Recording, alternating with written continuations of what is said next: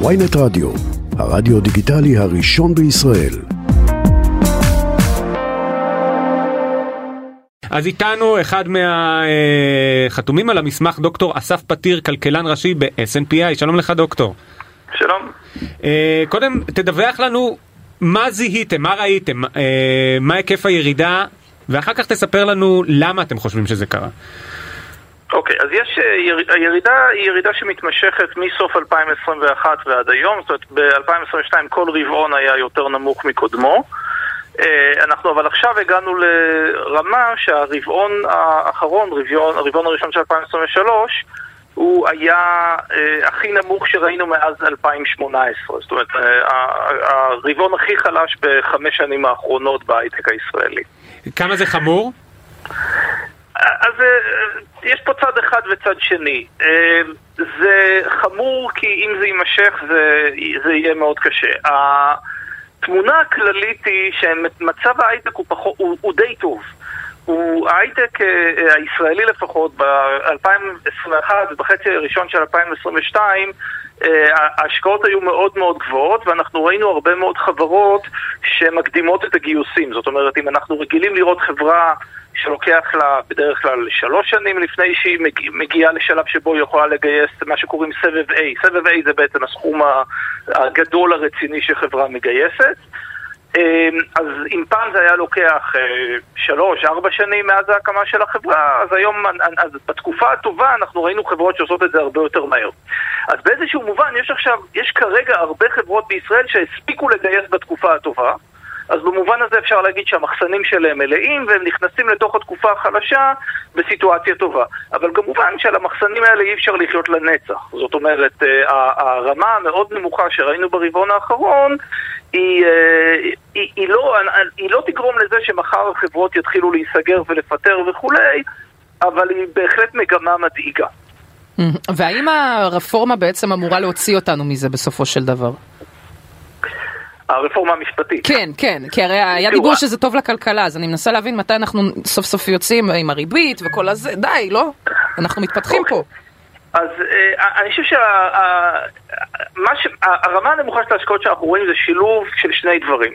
זה שילוב של מגמה כללית שיש בעולם הטכנולוגיה בכל העולם, זאת אומרת, הכינו ירידות גם בלונדון, גם בסיליקון ואלי, גם בשאר העולם. ברור.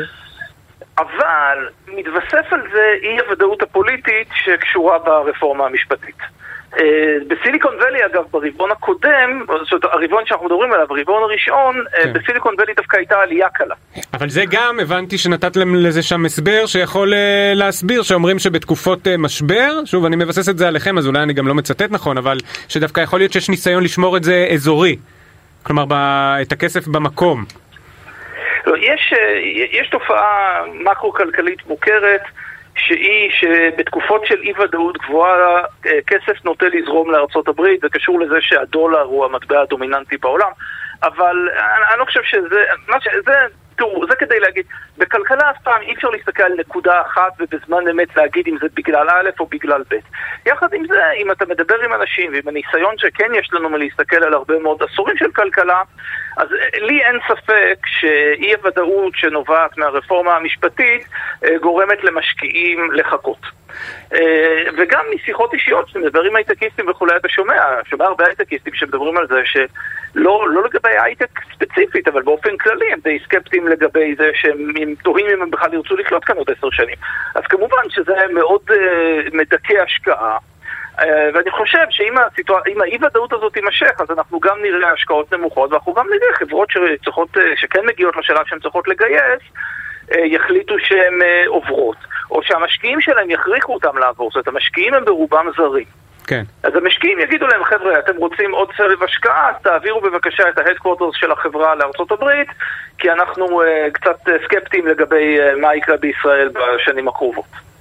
Uh, זאת אומרת, זה, uh, מאוד, uh, uh, זה מאוד ברור ש, שהייטק זה שהוא עובר תקופה חלשה זה לא ספציפית בגלל הרפורמה, אבל כן. היציאה מהתקופה החלשה הזאת היא בהחלט תלויה בזה שתהיה איזשהו אה, סיכום לסיפור הזה של הרפורמה המשפטית. את ההשוואה למה עשיתם דווקא ללונדון ולסיליקון וואלי ולא הרחבתם לעוד תחומים? הרי גם בלונדון הייתה תקופה כלכלית לא פשוטה בגלל אי הוודאות, אז למה לא ניסיתם אה, עוד בורסות בעולם או שאין בורסות כאלה שאפשר להשוות אליהן?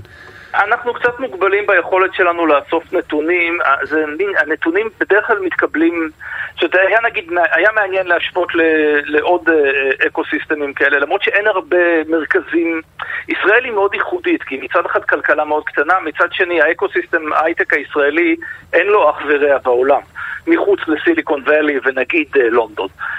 כמובן שכל ecosystem כזה יש לו את המאפיינים שלו, אז לונדון לונדון זה מרכז פיננסי בינלאומי, אז הרבה מהפעילות שם היא קשורה למה שקורה בשווקים פיננסיים באופן כללי, ולאו דווקא להייטק, אה, אבל אנחנו בעיקר מוגבלים על ידי נתונים. אוקיי, okay, בסדר גמור. טוב, אה, דוקטור אסף פתיר, כלכלן ראשי ב-SNPA, המון תודה לך. תודה רבה לכם. תודה רבה.